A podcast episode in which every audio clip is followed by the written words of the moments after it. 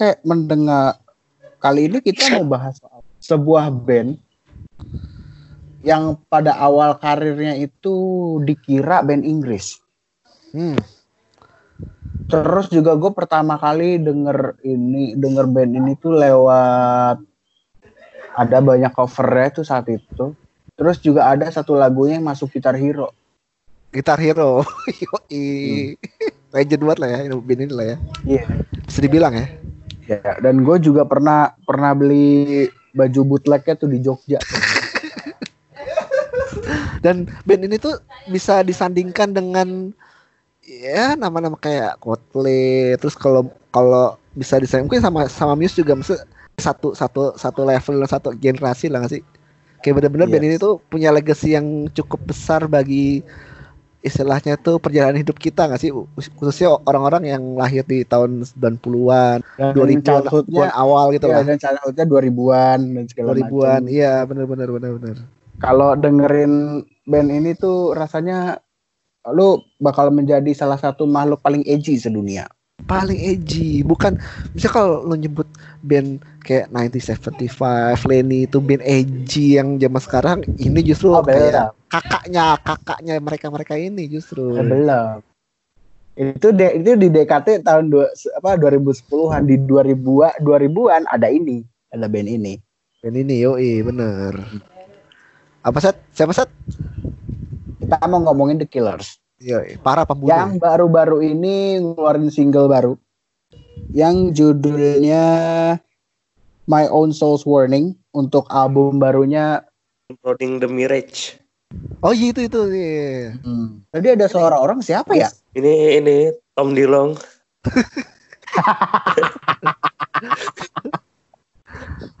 halo man saudara Iman apa kabar saudara Iman Baik, eh nggak baik juga sih lagi pilek.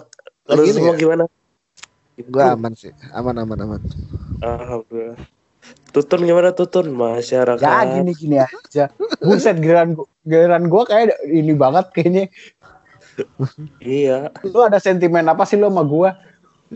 masyarakat menuju sejuta saat Juta apa? listen. Oh, keren juta subscriber. Jadi kita ngundang Iman tuh karena ini loh band ini tuh bisa jadi tuh kayak influence Iman dalam bermusik gak sih? Kayak yang dari stylenya, dari dari dari apanya ya, dari istilahnya tuh nuansa nuansanya kayak mempengaruhi diri lo banget. Apalagi kan si Brandon Flowers sendiri kan termasuk orang yang sangat istilahnya religius gak sih kayak yang karena bahkan dia kan Eh, eh apa kayak sering banget puasa gitu kan kayak lu banget gitu kan ya sih religius dan tapi rock and roll Tutun itu tutun. Anak alim. Kok gua? Gua lagi. Saya tidak serius Ini itu kawan. Bukan mau brothers kan ini ya? Bukan Bukan. Bukan bukan eh Man, gue ingetin, ini bukan mau brothers apalagi Dandi Laksono, udah, ya. dari Ya, Lakona. Oh itu yang itu ya seksi killer ya. Killers. Astagfirullah. Ini The Killers pak, The Killers. Oh gitu. Jadi hari ini kita mau bahas band yang eh ini sebenarnya fenomenanya tuh udah udah lewat banget sebenarnya sih. Cuman kalau ketika lu denger denger lagunya pasti ya lu nyanyi nyanyi juga kan. The Killers eh ya dari 2001 terbentuk. Si The Killers ini awalnya emang bukan tipikal band yang kayak kebanyakan kayak misalnya Blink atau Green Day yang di- ditemukan di satu komunitas kan justru band Oh, itu iya. kayak bisa dibilang tuh kayak band cabutan gitu sih apa kayak personelnya kayak yang ketika ada gi- gitaris punya ide dia nyari orang lain kayak bener-bener kayak yang bahkan dia sempet si gitaris siapa si Dave Kuning itu kan kayak pas pertama kali ketemu Brandon Flowers bukan based on community Brandon atau Flowers. ya eh Brandon Flowers ya Ada Eh, bukan kayak Brandon, on- Ro- Brandon Rogers, mantan manajer kita dong. Sekarang Iya. manajer Wah, Leicester City. ya maksudnya kayak si Dave Kuningnya ini kan nggak ketemu Brandon Flowers itu secara di komunitas itu atau atau Iya. pertemanan justru kayak yang bener-bener random random picking. Iya Soalnya Cicup lah.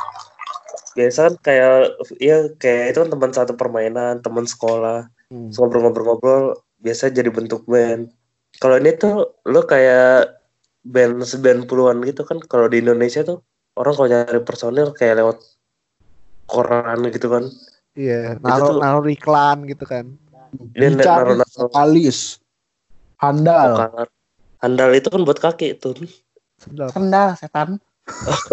Jadi emang Jadi si ya eh, tadi kita bilang saya eh, pertemuan mereka itu emang didasari atas eh, kesepakatan kerjasama eh, profesional gitu. Jadi kata waktu itu si si Dave Kuningnya bikin iklan di koran di waktu itu dia masih tinggal di Las Vegas kan kalau nggak salah ya. tuh, Terus eh, pas eh, Brandon Flowers-nya ngebaca waktu itu Brandon Flowers tuh kayak berstatus sebagai pengangguran gitu soalnya habis dipecat dari band band pertamanya Iya. yaitu si Blues Response kan. Terus kayak dia kayak ngelantang luntung nih mau ngapain gitu kan. Terus pas dia baca koran waktu itu si Brandon Flowers kalau nggak salah masih di New York gitu, tinggal di New York gitu kan. Pas baca di koran ada pelowongan nih, dicari nih. Eh, waktu itu dia nyari nyari voka, eh, bukan vokalis ya gitaris itu ya apa gimana sih lu si Dave Kuning nyari vokalis itu ya Dave Kuning ya nyari vokalis dia. Iya, Dan nyari- dia pengen bikin band rock gitu kan yang band rock influence sama Oh kalau kalau dulu kalau dulu kayak lewat koran ya. Kalau sekarang lewat ini, lewat Twitter. Iya makanya Twitter kalau pakai Facebook karena udah apa? forum HRD bacot. Mm. masyarakat musisi bacot kita ntar tuh mungkin Dicari. drummer tapi pakai mulut gitu Beatbox dong. terus ya Lanjut. udah kete- mereka ketemu ketemu di waktu itu ketemunya di Vegas kalau salah. Ya di apartemennya si Kuning. Terus ketemu mereka kayak kenal-kenalan terus kayak mulai tuh tukar pikiran nih. Kita mau garap apaan nih? Konsep bakap eh, konsepnya pengen apa nih? Pada eh, soalnya kan si Brandon Flowers sendiri backgroundnya sebenarnya bukan rock and roll kan? Karena dulu dia justru di band pertama justru main dan uh, synth, synth pop gitu. Kayak bener-bener jauh dari dari apa yang diinginkan oleh si iya kayak kayak kayak apa cerces gitu kan jauh apa yang diinginkan oleh si Kuning ternyata tapi ternyata si Flower sama si Kuning pas ngobrol-ngobrol ketemu nih apa kayak istilahnya itu punya, Ya, punya satu hal yang sama gitu. Satu satu satu, visi yang sama untuk bikin project yang eh, bertajuk si The Killers ini. Eh, nggak berapa lama tuh kayak mereka tuh mulai udah dapat lagu dan udah lirik liriknya. Terus juga akhirnya juga merekrut eh, drummer pertama yang mereka eh, si Matt eh, Norcross buat eh, ring- ngerecord dua lagu eh, lagu pertama ya lagu pertamanya tuh waktu itu si Mr. Brightside yang Langsung. mas iya langsung langsung, langsung Mr. Brightside kan lagu per- oh, lagu Iya. pertama mereka yang tulis dan record gitu kan yoi, dan hebatnya langsung jadi langsung jadi hit, gitu Terus kayak yang eh, waktu itu dia di- dia eh, si Mr. Brightside itu eh, jatuhnya eh, ngehit setelah ditulis apa emang harus masuk album si Hot Fuse dulu baru ngehit Pas. eh, ingat gue sih pas udah di album albumnya promosi gitu kan karena eh, dulu kan waktu awal-awal ditulis di perform di cafe tuh banyak-banyak label yang nawarin gitu Nah, Iya. awal itu eh, personilnya juga kayak tadi kan gak netep gitu Hmm. nyampe Oh, si rabutan. yoi si- freelance. freelance masyarakat sampai si siapa namanya? Si Brandon sama Dave Kening ini ketemu Ronnie Vanucci kan? Ah. Vanucci ya dia jadi akhirnya jadi drummer dan udahlah bertiga tuh. Basisnya juga nggak lama habis Ronnie masuk itu keluar. Iya. Nah si dan idola gue ini satu ini si Mark Strummer anjay. Agak iya Ma- Max Trumer ya itu hati-hati loh ntar lu kesetrum Mark Strum Ah, ah, ah, ada, ada, ada, ada, ada. Ya, ya, ya, ini aja udah, Bung. Bung, ya ini aja udah. Udah. Biar cepet nih. Durasi. Iya. Nah dia tuh si Mark Stummer tuh ditawarinnya jadi gitaris karena dia tadi pengen bikin kayak The Strokes gitu kan iya Yang- Strokes The Strokes, nah. Eh, ada lima orang plus keyboard di satu iya nah tapi ternyata si Mark Stummer juga bilang kalau gue tuh bisa main bass juga cuman si Mark Stummer tuh labil waktu itu. Eh, dia belum belum mutusin join gitu masih labil. Karena waktu itu paling kan manggung Ah, soalnya kan si Max Trumer itu kan masih gabung sama band pertamanya dia kan si The Negative Ponies itu kan. Sebelum akhirnya emang dia apa permanently gabung ke The, Killers gitu kan. Kayak bener-bener kayak diambang kegalauan nih mau lanjut ke band baru atau emang bertahan di band yang sebenarnya si The Negative Ponies itu eh, nggak nggak nggak apa sih nggak nggak terlalu besar juga karena scene scene yang ada di waktu itu masih di Eh. Nevada kan Nevada itu kayak Eh. scene scene masih scene pop up kayak punk new metal justru yang yang tinggi kan sedangkan yang dibawa sama si The Negative Phonies itu justru lebih kayak progressive rock mungkin nggak banyak orang dengerin juga gitu kan apalagi Las Vegas kan apalagi Las Vegas kan judi Yo, iya. dan tutun Kok gua lagi sih? Masyarakat Nah, tapi setelah itu ya udah Hmm. mereka bergabung berempat eh berempat ya gitu ya. iya berempat Berempat Dan- itu gabung. waktu perform tuh dia ketemu mantan manajer Green Day grup Namanya- itu? Jeff Sta- Saltzman anjay Salesman, dia Salesman Iya. iya. akhirnya akhirnya kan dia ditawarin banyak label tuh karena dulu waktu buat Mr. Braxnya tuh si label-label ini pada wah ini kayaknya nggak jual nih kayaknya nggak jual. Tapi uniknya mungkin karena influence mereka band-band British gitu ya. Hmm. mereka ini pertama bukan ke label Amerika gitu tapi ke ke ke label British sana gitu di UK Ini si Dan Lizard terakhir- Lizard King Records itu kan di London kan. betul.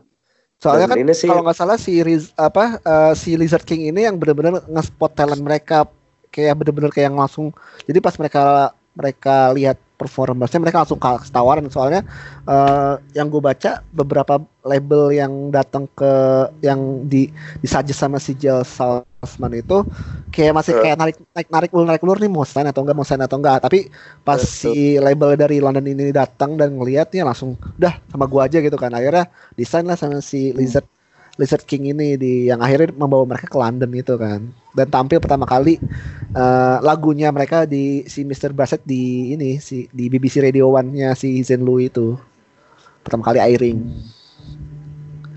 dan nggak salah sih keputusannya ya karena di Eropa tuh salah ya, langsung, iya. langsung apalagi musik-musik kan musik-musik British gitu kan album pertama pas iya bener-bener album album menurut gua kayak bener-bener ini tuh antara campuran antara indie rock eh, indie rock new wave gitu dengan British British rock gitu. Kayak bener-bener nyatu banget sih di album pertama ini sih Hot Fuzz ini. Kan kalau band British kan kebalikannya ya pengen ke Amerika buat terkenal ya. iya. Jadi mereka eh, malah pengen kayak ke British biar mungkin mungkin si Killers ini eh, bukan pengen sih mungkin ya ngeliat peluang yang ada aja nggak sih? Kayak bener-bener yaudah yang yang yang Betul. ada aja lah yang cuan duluan siapa sih yang ngasih cuan duluan gitu kan tapi kerennya tuh eh, di skena Las Vegas sendiri kan ya mungkin lo tahu kan kalau Las Vegas kan identik dengan yang gitu lah skena Iya. musiknya nah kalau di Las Vegas eh, tapi mereka tuh berani bikin yang beda gitu untuk Mm. skena Las Vegas itu emang kan setiap Iya. kotanya skenanya beda-beda tuh di beda-beda beda-beda dan mereka berani kayak apa sih namanya kayak beda sendiri dan akhirnya jadi tuh Hot Fuzz album terbaik Hot sih masih itu Hot Fuzz Iya, Pas. masih ini loh, masih ngehold jadi masih dibilang album terbaiknya The Killers it- itu di debut albumnya The Hot Fuzz. Benar Based on benar, benar. arti- based on artikel yang gue baca tadi ya, gue baca dari Bung Adi itu. iya Subhanallah dan setahu gua si eh, Mr. Brightside sendiri itu eh, kalau nggak salah itu sempat memegang eh, status ya misalnya rekor sebagai eh, satu-satunya lagu by a band gitu by a band yang bisa bertahan di chart di chart Billboard selama tujuh tahun ya lama banget ya tujuh tahun 8 tahun Oh. gitu gue sempat baca gitu kayak saking misalnya saking populer ya Mr. Brightside gitu kayak semua orang tuh Heeh.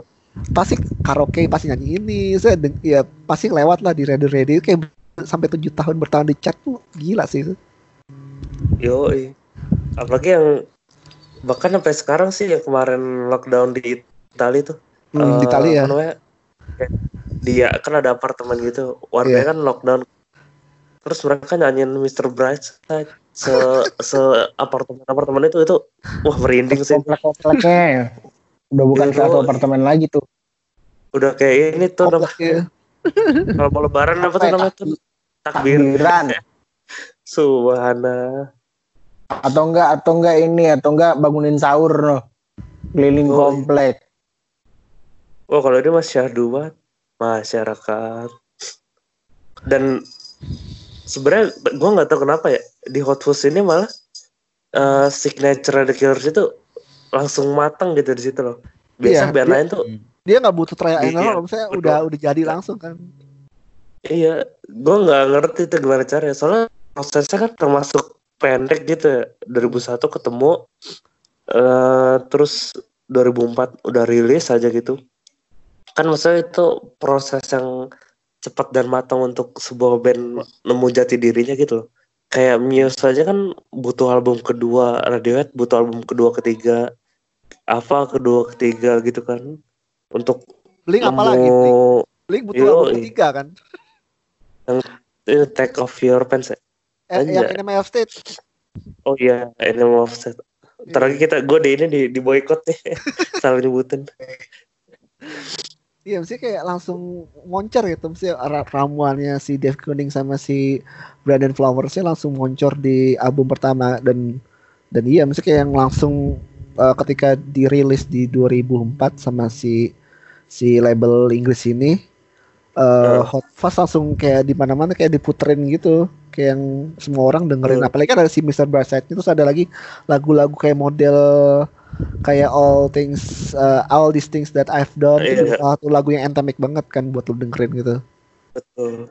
Dan di album pertama tuh, sebenarnya sampai album sekarang juga, The Killers tuh, eh gue sebagai baser ya, suka banget sama sama baseline-nya ini The Killers. Karena dia tuh, eh apa ya, contohnya The Killers, itu kan dia cuman, maksudnya baseline-nya gak banyak dan chord gitu, tapi groovy banget dan kayak Somebody Told Me intronya Iya, Somebody Told Me juga. Tanang, anjir itu. Gimana gue kalau dengerin The Killers tuh kayak semangat main bass lagi gitu. Karena dia tuh maduin apa ya gue kan kadang suka mager ngulik ya Hmm. The Killers tuh sama agak gampang tapi agak susah juga gitu bassline Iya. Tricky Dia lah, jarang tricky ada- lah. betul dan itu asik-asik loh di kayak Somebody Told Me asik Smile Like You Mean It juga asik cuman kalau di album pertama tuh asik ini Jenny Was a Friend of Mine itu Ya track pertama ya. yoi, itu kalau si Davi 504 denger itu sebenarnya kesel kali deh kan dia kan sering bercandain basis pakai pick nah ini juga nih. Aku jadi cerita si basisnya mulu. Si Mark Strummer ini tuh biasa kan orang kalau slap itu kan pakai tangan biasa gitu. Hmm. jempol Hmm. sama telunjuk. Mark Strummer itu di lagu ini pakai pick sambil nge-slap gitu. Dan Anjir. ini kalau kalau si Davi 504 tuh tuh udah kesel banget kali. Mind blowing epic. Epic. karena gue coba juga susah gitu.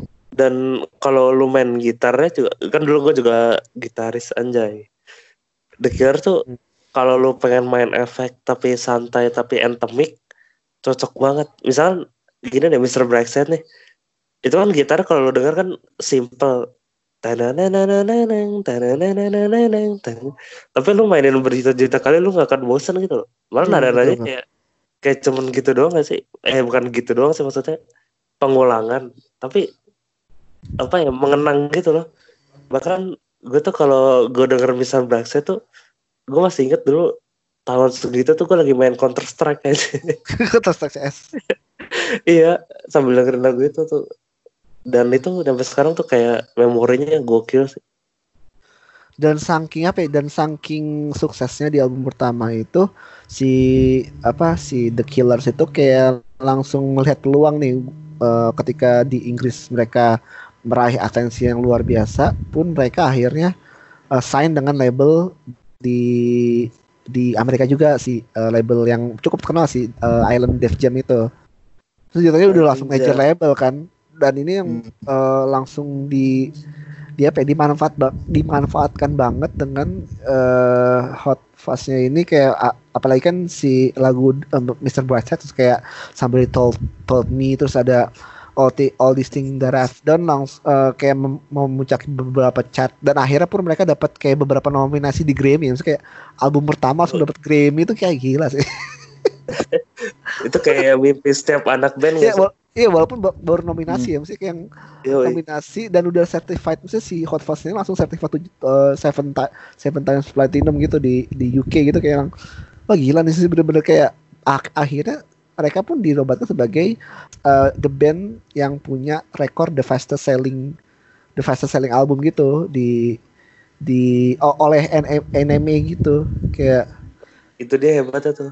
Itu hebat sih kayak yang Baru ketemu Heeh. terus bikin album jadi meledak gitu itu kayak semua anak band pengen gitu iya heeh. Termasuk gue sih.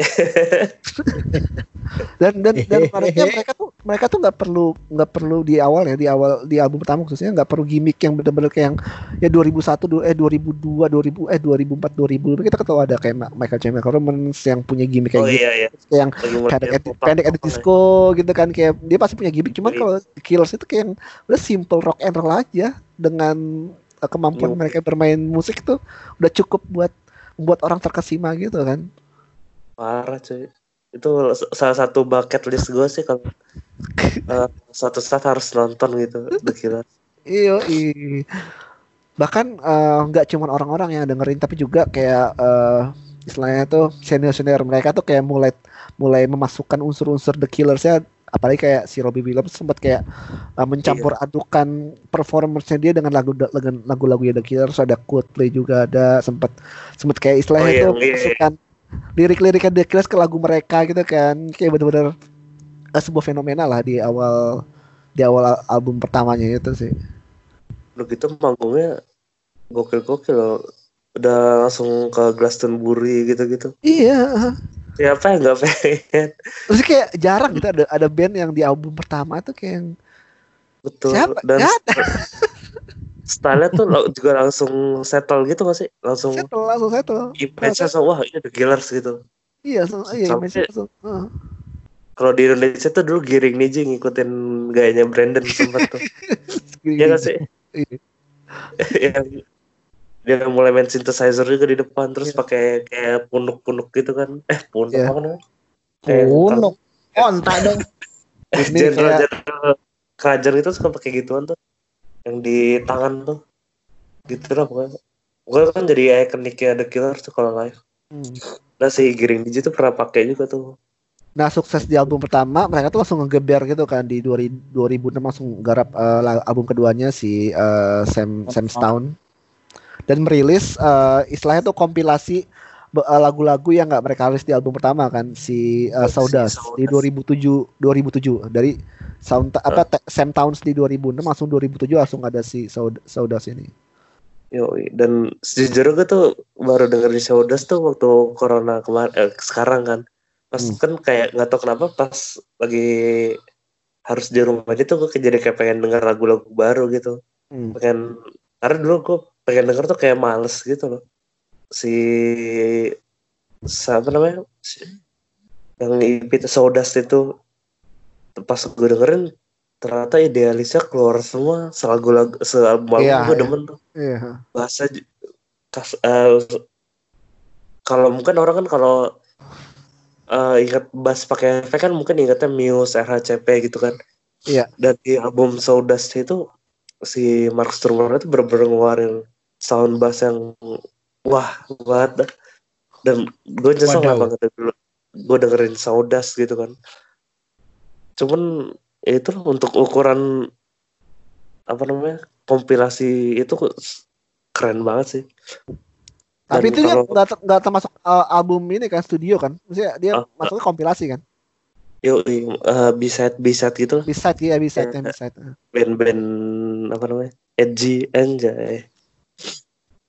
Nah di album kedua justru yang di album keduanya sih di uh, Sam Towns-nya ini si The Killers ini tampil menurut gue lebih lebih apa ya lebih Makin lebih banyak iya makin mature dan punya lebih banyak punya message gitu nggak sih? Kayak yang ya udah album, Oh, iya. pertama lo senang-senang dulu misalnya kayak rock and roll dikeluarin. Cuman kalau di album kedua tuh kayak yang lo liriknya udah mulai mulai punya pesan yang cukup dalam terus kayak yang kayak apa ya eh, istilahnya tuh me, me- apa ya merangkum semua hope terus eh, hopelessness gitu terus kayak joy juga sama desperation gitu ke dalam ke dalam al- lagu-lagunya gitu Iya. kayak di lagunya yang yang menurut gue yang paling bagus menurut gue yang paling catchy ya itu when you were you when you were young When you Ya, iya, when you were yang itu yang ada di Gitar Hero 3 oh salah. This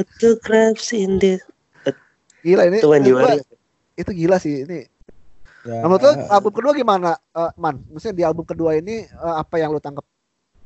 Kalau gue sih eh, setuju sama Lubung Eh, dan ketika album pertama kedua tuh sebenarnya secara eksplorasi musik tuh masih mirip-mirip Hmm. dari album pertama cuman sedikit lebih well matured aja gitu di Iya. secara komposisi secara jadi tetap ada pembedanya gitu dari album pertama Iya. dan eh apa ya orang kan mungkin kalau orang kalau itu berharap ada another Mr. Brightside gitu kan Iya. di di album kedua tapi sama The Killers tuh malah dia tuh kayak nggak mau terpaku bikin hal yang sama gitu Hmm. karena kalau gue bikin Mr. Brightside dua kali Mr. Brightside nggak spesial lagi dong gitu kan Iya lah, benar benar benar benar. dan di sini tuh lagunya juga ternyata nggak keren nggak kalah eh nggak keren maksud gue nggak kalah keren keren gue tuh paling suka sebenarnya for reason unknown jadi kalau live nya tuh si Mark Sturmer sama Brandon Flowers tuh tukeran instrumen tuh lucu banget Hmm. jadi si Brandon Flowers main bass si Mark Sturmer main gitar gitu Iya. karena main git main bass sambil nyanyi itu menurut gue lebih susah daripada main Main- gitar main- sambil nyanyi gitu Iya. karena dari pickingnya juga beda dan apalagi si Brandon kan suara melengking ya. Na na na. Dan lagi-lagi tuh terkenalnya di Britania juga awalnya. Album. walaupun ini udah masuk label Amerika ya si betul. si Alan Def Jam ini kan. bahkan masuk masuk best international album menang ini Brit Iya. Award Tahun itu Jadi di album sih kedua pun mereka masih dianggap British band ya, maksudnya bukan bukan Iya. American rock band gitu ya nggak sih? betul betul Gue juga pertama kali dengar mereka tuh juga merasa ini kok kayak Brit British band gitu kan. Padahal gue waktu itu Uh. 2004 2005 itu belum yang tahu banget internet. Jadi kayak gue denger denger aja gitu kan. Gue kayak cocokin Uh. ini kayak The Clash kayak cocoknya kayak mo- model-model kayak The Strokes kayak yes ya betul Coldplay di awal-awal gitu-gitu. Terus kayak masih kayak Oasisnya dikit lah adalah gitu. Terus Karena emang influence- gitu ya. Yoi, kan influencer mereka kan emang dari situ kan awalnya Iya di situ. Band-band Britania semua dan apa ya kayak gue juga sih awalnya ngira The Killers itu apa dia band British ya saking musiknya tuh scene wave-nya itu tuh berasa banget Iya. wah ya gitu sampai eh, sekarang kan gue udah mulai mengamati agak mengamati formula musik gitu ya Hmm. Nah, di album Sam Stone ini kalau mulai apa ya? Kalau band Amerika tuh refnya suka dua nih misalkan abis di pertengahan ada ref nih. Iya ada referen dua kali ya. ya. Refnya dua kali, ada solo habis itu ref lagi dua kali gitu. Hmm. Baru Hmm. ending. Kan biasa band Amerika tuh eh, kayak begitu, termasuk kayak Blink apa gitu. Nah, kalau The Killers di The Sam Stone tuh mulai agak masuk begitu sih. Udah mulai Mulai terpengaruh ada- lah ya. Iya agak Amerika Amerika namanya juga Sam Stone aja. Apa ya mereka tuh secara ini proud to being American tapi sama memang mungkin mereka berharap lahirnya di Britania gitu. Iya Mungkin iya. Apa, apalagi kan ya udah mereka punya istilahnya itu mereka merasa punya hutang budi gak sih kayak yang sama sama Inggris gitu kan. Betul. Pertama kali mereka mereka mereka punya punya label ya mereka label Inggris. Terus kayak yang pertama kali Mr. Brasset didengerin didengerin ya didengerin radio Inggris gitu kan. Terus kayak ya udah tetap sampai sekarang tuh uh, British Brit popnya tuh Brit rocknya tuh masih masih kedengeran sih. Yoi. Bahkan se- sering kolaborasi sih sama musisi Britania kan kayak Ya, Reading Festival tahun kemarin kalau salah ya. Itu si Bowen Mr. Brightside kolaborasi sama ini gitarsnya Morrissey si Johnny Marr dulu. jadi marah. Zaman- Apa nama oh, The Smiths ya dulu The band. Smiths, The Smiths, The Smiths. Iya. Sumpah itu kayak gimana sih lu main sama idola di negaranya idola gitu. itu kayak dreams come true-nya The Killers kali ya. Iya benar, The Skull of the Killers. Dan gue tuh sukanya The Killers tuh ini logonya sih kayak nggak muluk-muluk Iya tapi logonya menggambarkan kan kalau lo dengar kata killers kan serem gitu ya. Iya, ha. tapi logonya itu kayak merepresentasikan somehow yang fun. Kalau gue mikirnya itu eh, logo ya The Killers tuh menurut gue eh, salah satu eh, yang menurut gue simple tapi ikonik gitu loh. setuju. Dan nggak berubah Jadi- sekarang. dan dan ini sih jadi kayak kalau kalau lu band-band rock itu cenderung lo berlomba-lomba untuk membuat font style yang apa font style yang se unik unik. abstrak, so abstrak dan seserem mungkin. Nah The Killers nih eh mengemasnya dengan cara yang lebih sophisticated gitu loh. Dan dan istilahnya ju- juga nggak ini juga nggak apa namanya ya nggak terkesan nggak terkesan kayak wah ini ba- band keras banget atau enggak gimana gimana gitu. Kesan glamournya itu loh yang gue tangkap dari apa emang musik yang mewah gitu loh soundnya. Se meskipun di album pertama kan ada lagu galau kayak misalkan Everything Will Be Alright yang cuman synthesizer dan gitar cuman cet cet cet cet cet gitu tapi mewah banget tuh synthesizer programmingnya Iya, ya kembali lagi eh, basicnya si Brandon Flowers kan emang datang dari band Synthesizer Oh, lah iya ya, saya. Dia Iya, punya betul. punya modal itu, terus dimasukkan ke dalam konsepnya rock and roll ya ala si Dave Kinning ya masuk masuk Ja- dan ngejual banget lah jatuhnya kan.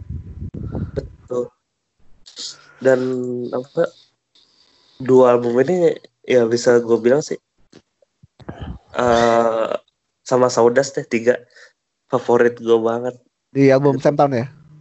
Eh Samson sama Hot Fuzz karena eh itu apa yang mendefinisikan mereka sebagai The Killers gitu Hmm. apa yang The Killers kita kenal gitu lo mungkin kalau nanya The Killers tuh apa sih Mr. Brightside yang ada synthesizer gitar begini bassnya begini drumnya begini tuh kayak udah ciri khas gitu Hmm. dan ketika apa sih namanya kerennya tuh jadi The Killers tuh masing-masing personelnya tuh punya nama lah sama-sama rata terkenal gitu Ben- kayak tadi sebelum ini kan lo sempat bilang bung sebelum kayak sebelum recording deh kayak mereka tuh nggak punya leader gitu loh mereka Iya, semua iya. leader Mereka semua leader.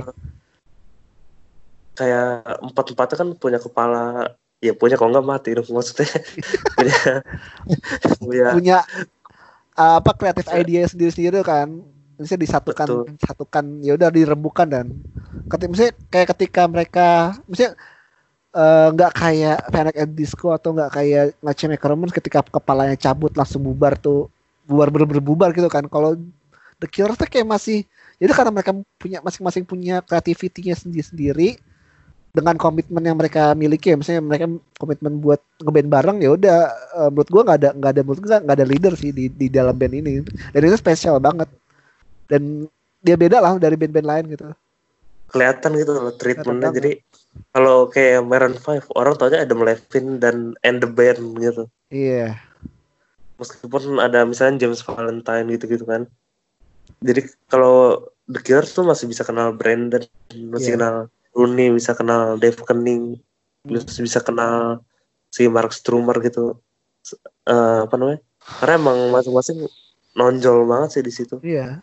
Ya kembali kan misalnya di pas di pertama kali mereka di mereka gabung kan mereka punya latar belakang yang benar-benar kuat banget kan kayak si Brandon Flowers. Ya udah dia bekas cabut apa bekas pe- be- apa orang pecatan dari band synthesizer terus kayak yang si Dave Kenning yang emang udah punya modal konsep musik yang cukup matang terus kayak si Max Rumor ya lo tahu dia serba bisa lah. Misalnya kayak yang lu bisa main apa aja kan. Yoi. terus datang dari band dari band yang cukup, cukup punya idealis tinggi gitu di di areanya dia. Terus ada juga si uh, Rooney Vanucci juga yang punya basic basic musikalitas yang luar biasa juga gitu kan. Jadi ketika digabungin jadi satu jadi menurut gue jadi kayak ini uh, bukan band lagi udah Super super band jadi si super band itu ya. Iya. si band yang mecat Brandon tuh nyesel nggak ya pas udah lahir gila lu bayang lu bayangin lu pecat tiba-tiba tampil di band lain yang meledak di mana-mana gila sih itu. Terus eh perjalanan mereka berlanjut nih di album ketiga jatuhnya eh, Day and Age ya di Yoi. 2007 ya, 2007 ya. Iya. Nah, ini tuh eh, ini udah mulai merasa perbedaan gak sih kayak yang lu udah mulai merasa nih Iya, eh, betul, eh, betul. si The Killers-nya udah mulai step up eh, the, the, the new level gitu gak sih? betul ini yang menurut gua new wave-nya makin berasa sih. Dan ini gue ingat banget album ketika Giring Niji gayanya mirip The Killers era ini gitu. Soalnya emang apa sih namanya? Iconic. Sebenarnya album ini iconic ya, cuman gue sebagai pendengar The Killers kayak sebenarnya bahasa di sini tuh makin bahasa lainnya banyak yang asik. Cuman eh maksudnya ini bukan album yang jelek sih, cuman untuk lagu-lagunya gue lebih suka di Hot Fuzz dan Sam Star gitu. Meskipun di sini panggung bangun jauh lebih gede, soundnya lebih mateng, terus uh, apa kayak udah mulai ada saksofon segala macam gitu kan kalau live.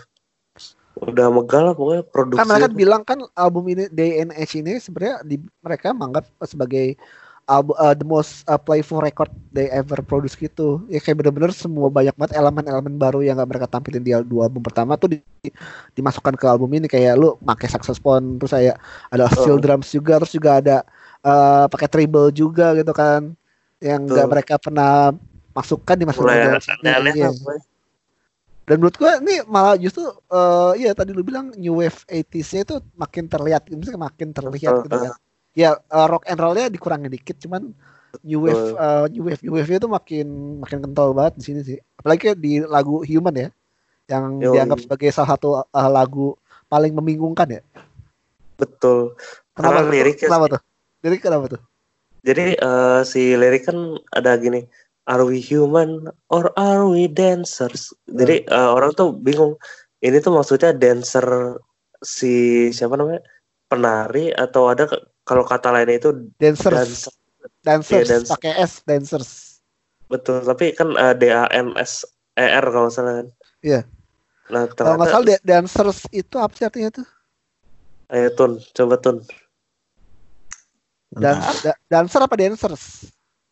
kalau di albumnya dancer sih penari cuman ternyata tuh uh, apa namanya dia tuh uh, terinspirasi dari buku ya Hunter S Thompson jadi di buku itu tuh ada quote uh, Amerika itu meng apa sih namanya memelihara eh apa kalau mengembangbiakan generasi penari gitu a, a generation of dancers gitu. Oh iya. Dan sebenarnya kalau mengacu sebagai karya seni kan emang apa ya untungnya si Brandon Flowers itu nggak pernah emang dia ngasih ini tuh referensi dari buku ini. Tapi dia itu kayak tetap uh, sebagai musisi dan seniman dia tuh kayak uh, seni kan biasanya diinterpretasikan masing-masing gitu.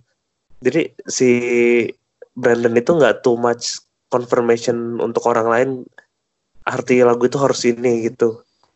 Jadi hmm. dia biarin para fans tuh kayak kayak kayak lo lu baca novel gitu imajinasi sendiri sendiri lah gitu. Istilahnya artinya nggak saklek. Satu arti itu gitu loh istilahnya biarkan pendengarnya mendefinisikan sendiri ini maksudnya apa sih gitu. Iya. Sebenarnya kalau misalnya Betul. di di translate mentah-mentah ya misalnya kayak lu, lu bilang uh, are you human or are you dancers? pakai S ya kalau yang dilihat kalau yang dianggap si itu pakai S atau pakai C dianggap sama Brandon. Nah kalau dancers pakai S itu kalau di albumnya tuh pakai C. Iya di albumnya tuh pakai C cuman di apa pronunciation pakai S kan dancers gitu kan. Nah kalau dancers sendiri itu artinya orang apa kayak stupid gitu orang bodoh gitu jadi kayak dibilang. Makanya pas di pas kayak oh, viral oh, iya. mereka tuh kayak are you lo lo lo human atau lo bodoh? gitu. Kayak iya. makanya banyak yang orang marah kan pas denger lagu ini kan. Iya. Soalnya kalau lo denger kan wah lagu judulnya human. Terus iya. liriknya tuh kayak udah mulai-mulai agak nyentuh kemanusiaan gitu tapi kan Army Dancer itu apaan nih? Kayak orang mau dari dulu tuh gue juga pengen zamannya ada pet kan pengen so-soan gitu kan. Yeah. play human by the killers are we human or are we dancer pas gue baca ini apa maksudnya? Gue gak jadi tanpa lirik aja nih gue kan pet buat jangan pamer. Iya iya udah maksudnya biarkan itu menjadi misteri lah ya. Jadi biar orang tuh punya alternate apa alternate translation dari lagu ini kali ya. Betul. Tapi emang kalau secara keseluruhan sih maksudnya si Brandon tuh baik gitu di lagu. Mhm. dan di album ini tuh di NHC itu juga ada lagu personal gitu loh. Kayak judulnya tuh si Good Night Travel Well Well. itu Itu lagu si buat ibunya siapa ya? Ibunya Dave Kening Rekening ya meninggal ya? betul dan maksudnya kayak The Cure kan di Sam Stan kayak kata lo tadi udah mulai masukin hal-hal personal Hmm.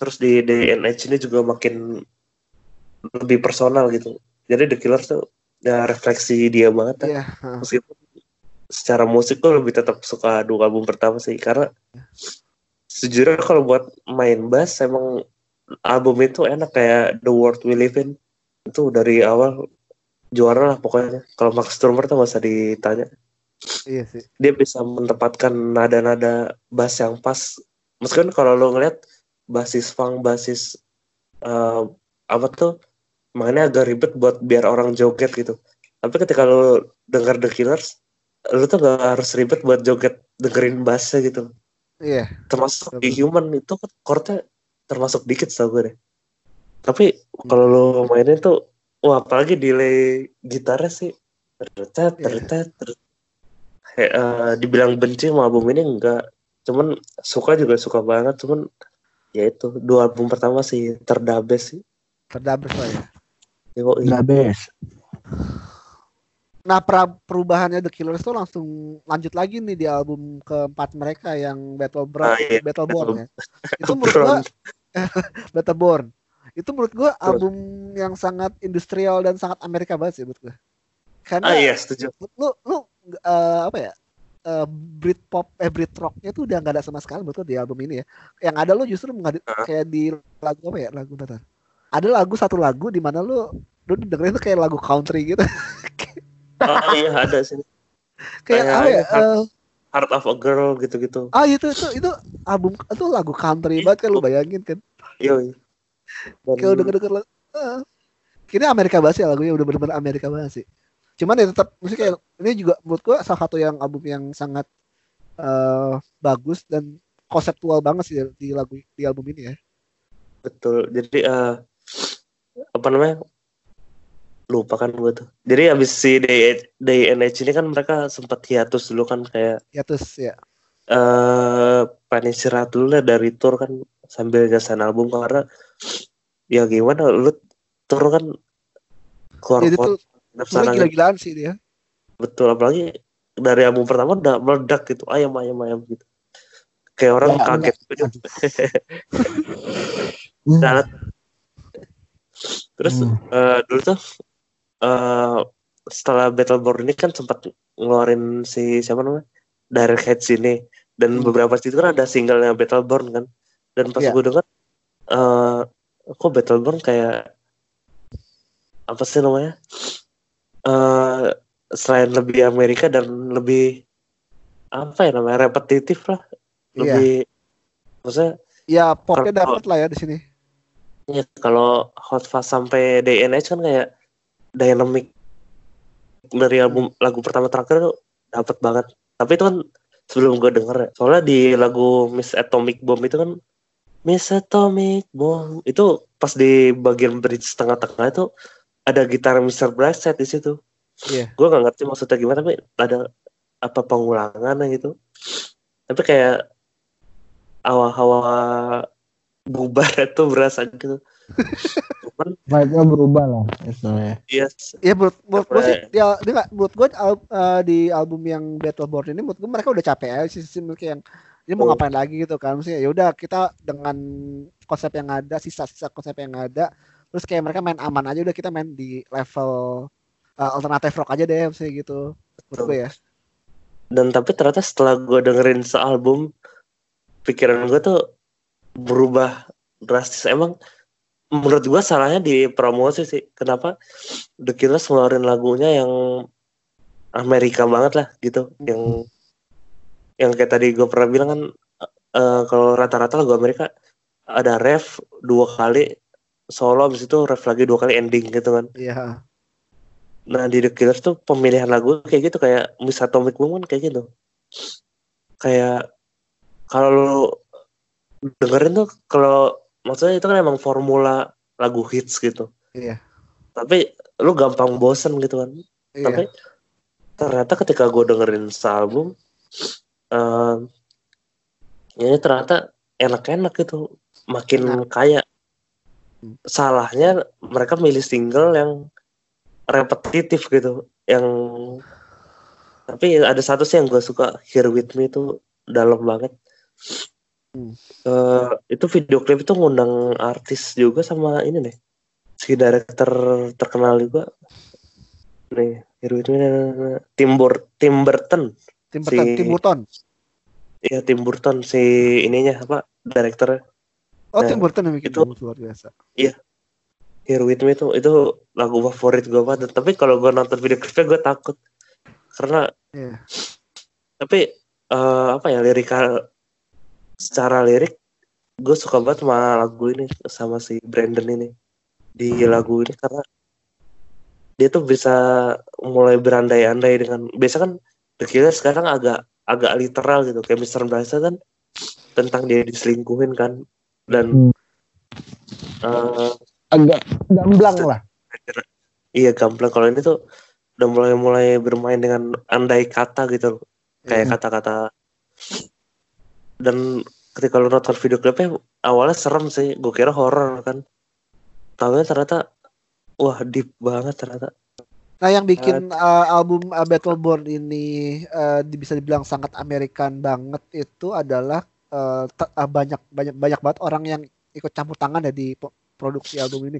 Biasanya Oh, tuh iya. kalau nggak salah uh, di album pertama album kedua ya udah mereka cuman cuman ada si apa si si Dave Kenning, Brandon Flowers dan teman-teman. Tapi kalau di situ lebih banyak menghadirkan produser-produser gede gitu. Kayak ada Steve Lillywhite, White, terus Damien Tyler, terus ada Brandon O'Brien, ada Daniel Lanois juga sama. Dan kedengeran ini sih bener kayak kata lu tadi. Lagi apa ya kayak hawa-hawa hiatusnya tuh udah mulai ada gitu-gitu. Iya, ha, ha. karena Hawa-hawa setelah capek lah, hiatus hawa capek. iya betul hawa-hawa capek. Meskipun ternyata album ini turn out good gitu loh cuman Iya, eh kedengeran aja gitu nggak tahu ya. Lu bisa dengar kalau mereka capek dan hatinya tuh udah mulai sana sini gitu. Misalkan Iya. Dave Kenning kan punya keluarga punya ya family man banget lah. Dan apa namanya itu kayak kayak pengen pas lagi buat album itu pengen spend time with family gitu. Sampai ini kayak sampai ini kayak yang sebenarnya bukan gue doang sih kayak semua fans juga bingung awal-awal karena abis Battleborn ini kan sempet kayak agak lama gitu kan Iya, itu jatuhnya hiatus nggak sih? Apa emang cuman absen aja bikin album? ya absen kamu sih istirahat Iya. istirahat Kayak udah lelah gitu nggak sih?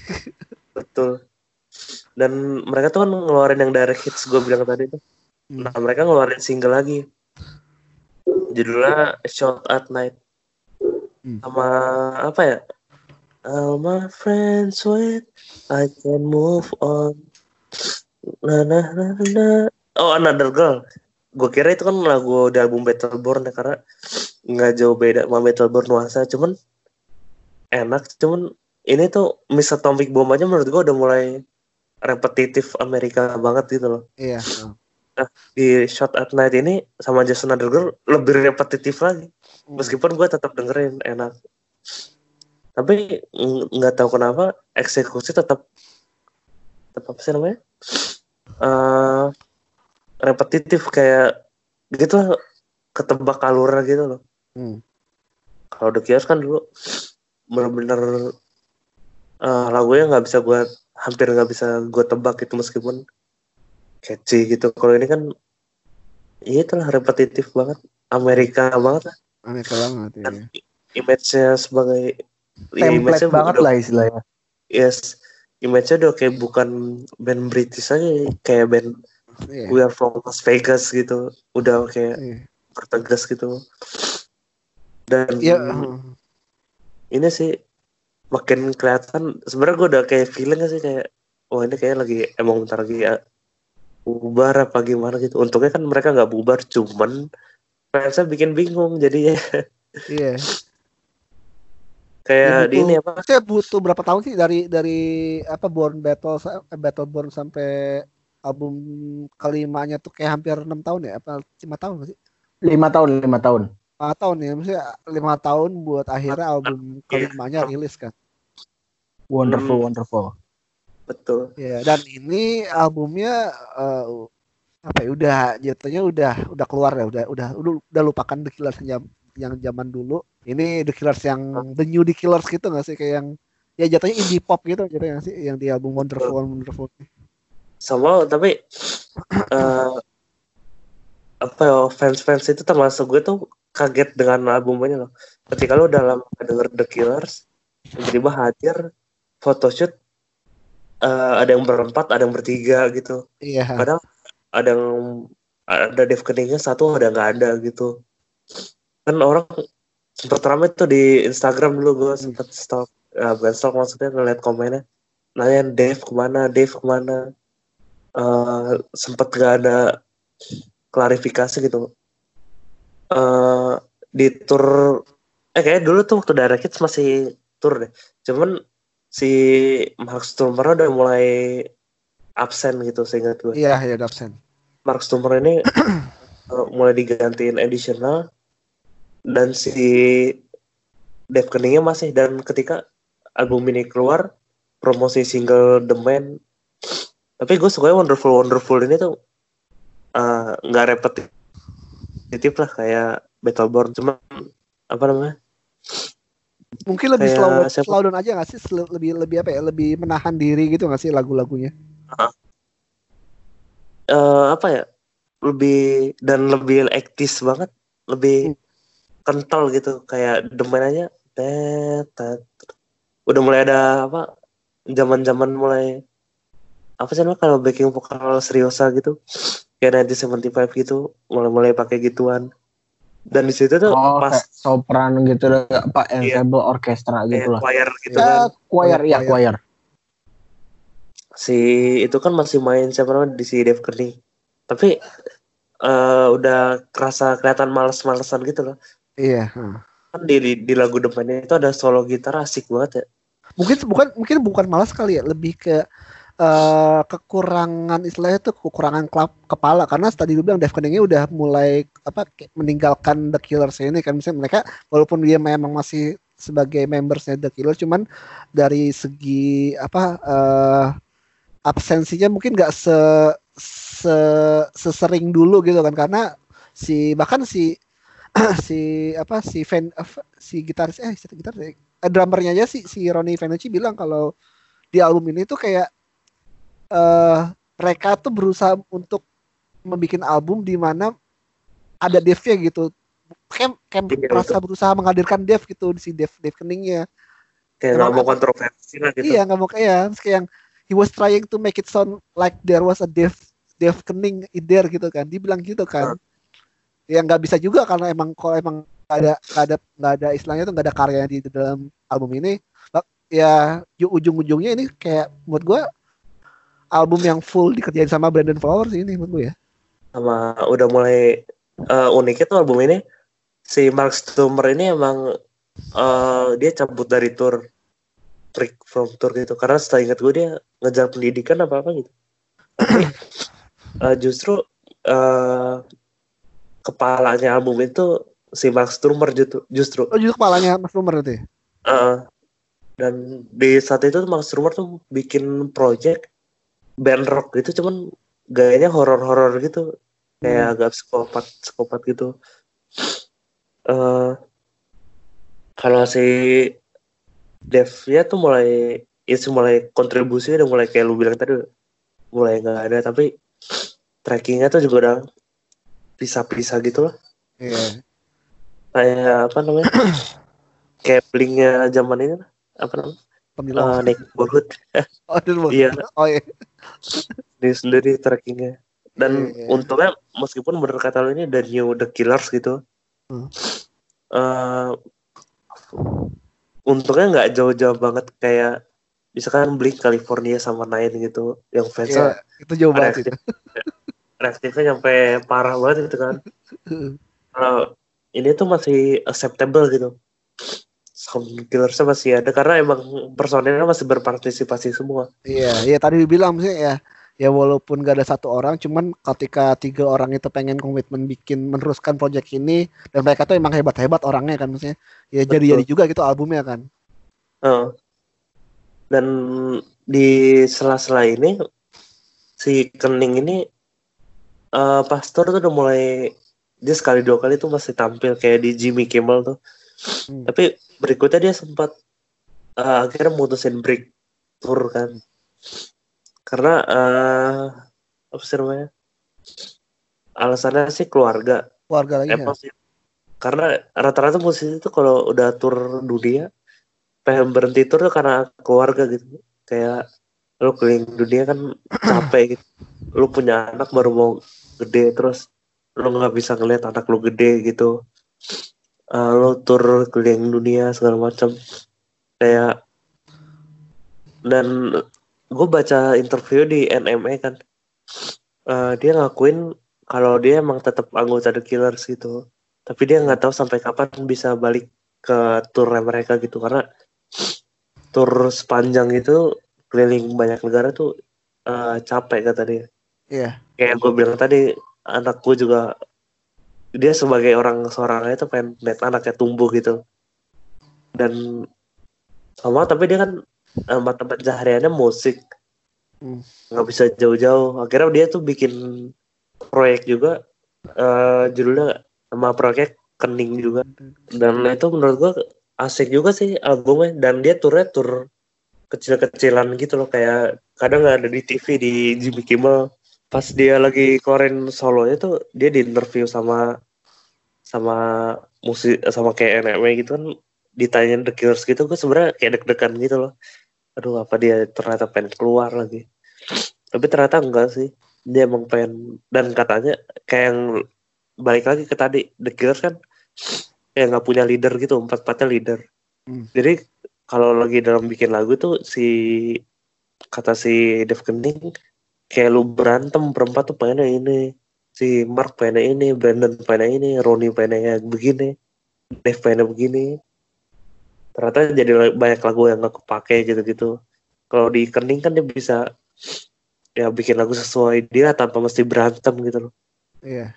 Ya sama kejadian kayak kayak di Bohemian Rhapsody kan kelihatan si ini pengennya lagu ini. Iya. dan sebenarnya dulu gue juga nggak langsung suka album ini sih. Karena apa ya um, Actisnya tuh ya nggak ya nggak ada nggak sih? Eh, iya maksudnya sama Mr. Brightside band tapi Actisnya tuh asik banget sih. Iya. Ya lu belum bisa me- apa istilahnya tuh orang-orang belum bisa menerima new normalnya dari The Killers itu nggak sih kayak di album? New normal. lu harus Tapi- bersikap new normal ya. Betul. Tapi sama menurut gue ini agak lebih fresh dibanding Battleborn sih. Oh ini kok ini opini pribadi ya? Iya. Eh, kalau Battleborn kan kayak kelihatan orang capek agak dipaksain tapi out bagus. Ini emang bagus tapi emang internalnya mungkin berantakan gitu. Iya dan ketika lu nonton The Killer nonton nih konser The Killers bayar tiket mahal tapi yang lu tonton anggota asli cuma dua orang gitu. Iya. Kan kayak kayak kayak ini pengen disco Brandon Yuri doang. Betul kan si fans ini kan jadi kayak anjir gue bayar harga sama. Tapi ketemunya Brandon sama Rooney doang gitu. Iya, yang lainnya Nah, additional gitu. Rasional tapi si Mark Stromer ini kadang-kadang eh apa namanya masih ikut join tour. Kayak join waktu itu di kadang-kadang. Tapi nggak setiap nggak di setiap tour gitu loh. Iya. dan kayak kan si The Killers tuh ngeluarin single Land of the Free waktu itu kan lagi ada ingat kayak nggak ada mass shooting itu ya. Kasus nasi The Killers kan langsung reaktif gitu. Udah mulai agak-agak politis gitu sebenarnya Hmm. kalau di lagu ya cuman kalau aktivis di sebagai band emang dari dulu udah. Cuman sebagai lagu kayak Land of judulnya Land of the Free itu makin kental kayak choir choirnya dan meaningnya tuh apa ya dapat dapat banget sih itu. Tapi ya itu no Dave Kening nggak ada Dave Kening Tapi setelah li- tapi setelah lima album mereka ya udah mereka eh, sama Dave Kening ya udah lima album sama Dave Kening. Cuman pas eh, kemarin gua dengerin dua lagunya yang dia rilis buat album Imploding the Mirage menurut gua kayak The Killers kayak balik lagi gak sih? Kayak balik lagi ke zaman dulu gak sih kayak gua ngerasa Iya. vibe vibe nya yang new wave eh, rock and roll new wave itu kayak balik lagi. Dan ini semua berkat berkat si Brandon apa berkat istilahnya tuh eh, idealisnya Brandon Flowers buat ya udah kita balik lagi ke zaman dulu kita kita kulik lagi apa yang kita belum lakukan di zaman dulu kita kita hadirkan lagi dengan dengan istilahnya tuh paket produk production yang lebih lebih lebih advance gitu kan. Betul. Dan tapi eh, uniknya The Killers tuh mereka improve tiap album beda, tapi nggak nggak bikin kontroversi banget gitu loh. Hmm. Kecuali photoshoot yang tadi. Dan di album ini tuh photoshootnya juga nggak kalah nggak kalah kontroversi gitu karena kalau dulu kan waktu Wonderful Wonderful masih mending lah berempat kan masih ada berempat. Ini bertiga doang coy. eh tiga doang Udah Iya, kayak- iya. udah kayak beli Muse gitu gitu. Iya, mau ke mana Kan- lagi orang nggak ada sih ini ya kan si siapa Dave Iya. Kening Betul. Dan ta- tapi itu ironi juga gak sih bu kayak awalnya kan yang pengen bikin band si Dave Kening kan, iya terus dia masak terus dia yang dia yang hiatus sendiri gitu. kayak anjir kayak apa sih namanya? Ironi gitu, ironi, di atas iya. ironi, Iya. atas SpongeBob. Tapi gue tetap nunggu sih si The Killers karena eh ini influence 80s-nya masih berasa banget sih dan Rasa banget mungkin ya? Bu, eh, kan udah dua album nih Wonderful Wonderful sama Imploding the Mirage ini. Kayak eh, musik 80-an itu kental. Dan mungkin tren musik sekarang ya ke 80 versi modern gitu. Mungkin Iya. ya. mungkin. Dan gue berani bilang The Killers ini salah satu pionirnya juga Hmm. tapi di skenario kalau di skena apa pun ada Bruno Mars dengan 24K iya Oh ini The Killers bisa 80 dari versi rocknya gitu. Itu sih yang gue tangkap. Hmm. Tapi menurut lo The Killers masih bisa nggak sih buat menelurkan at least satu lagi. single nggak satu single yang selevel sama Mr. Brightside gitu yang se-popular itu di nextnya Kalau gue bilang bisa, cuman mereka tuh nggak mau ngulang formula yang sama sih. iya Cuman kalau apa ya? Menurut gue sih bisa aja karena lagunya tuh juga dari Hot Fuzz sampai Imploding the Mirage tuh nggak ada yang seweak itu lagunya gitu. oh, nggak iya. ada yang bener-bener pulang pengulangan banget cuman eh, sekali lagi kan pasar kan nggak bisa ketebak ya nggak bisa ketebak nah. Betul kayak Mr. Bryce Time sampai sekarang chartnya juga naik-naik terus gitu. Hmm. ada nggak ada yang tahu gitu ke depannya. Cuman kalau kalau siapa namanya? Kalau mereka berempat duduk bareng lagi kayaknya bisa sih. Ya misalnya dengan otak yang lebih segar ya. Soalnya kan di dua album terakhir eh sebelum sebelum, sebelum sekarang kan dua albumnya kan emang ya kelihatan mereka capek banget. Kayak mungkin emang harus ada istilahnya tuh eh, break yang cukup ma- Ah, iya. matang gitu baru mereka Betul. akhirnya balik lagi mengikat konsep apa nih yang bisa ditelurkan lagi kan? Maksudnya nggak ada Iya, harus ada pikiran-pikiran yang membeba- membebani gitu kan?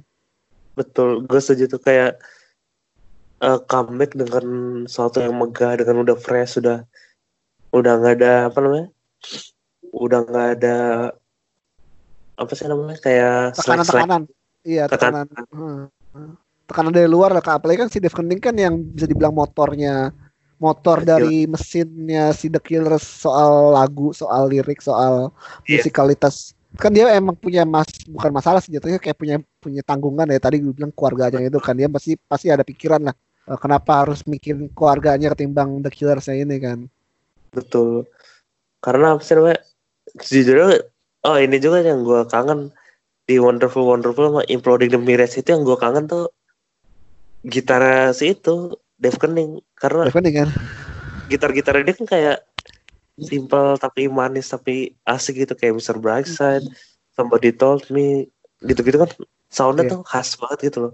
Iya. Sekarang tuh kayak gitar udah berkurang gitu. meskipun ada cuman uh, riff-riffnya tuh belum bisa diganti sih. Deepening tuh. Ya kita harapkan yang terbaik lah buat album terbaru The Killers Imploding the Mirage yang sebenarnya rilisnya ini ketunda kan gara-gara covid kan. Tapi dari tiga lagu yang udah dirilis kayak My My Own My Soul My Own Soul Soul. Warning terus ada Cautions itu udah gue udah cukup excited sih dengan konsep Iya. baru konsep-konsep yang di album ini di Imploding the Mirage ini karena ini kayak Betul. The Killers tuh kayak bal- berusaha balik lagi ke ya era-era Hot Fuzz sama era-era uh, Sam Towns lah ya Sam Towns ya. Berasa sih ke Sam Stone tuh berasa. Ya udah deh, dan gitu aja kali ya. Intinya obrolan kita tentang The Killers. Semoga sukses ke depan The Killers. Sat, sat, halo sat. Wah dia lagi ronda ini. Tidur gak sih dia? Eh suara tutun. Tidur gak sih dia? Tidur ya? Sat, sat, sat. Ya udah deh, karena karena Satria lagi kita tidur saat recording, kita uh, tutup di sini dulu ya. Terima kasih, uh, terima kasih Iman telah bergabung di di bahasan crescendo kali ini. Uh, Iya, gua, gua gua di gua di signing out. Iman cabut. Ya, sampai ketemu lagi. Bye.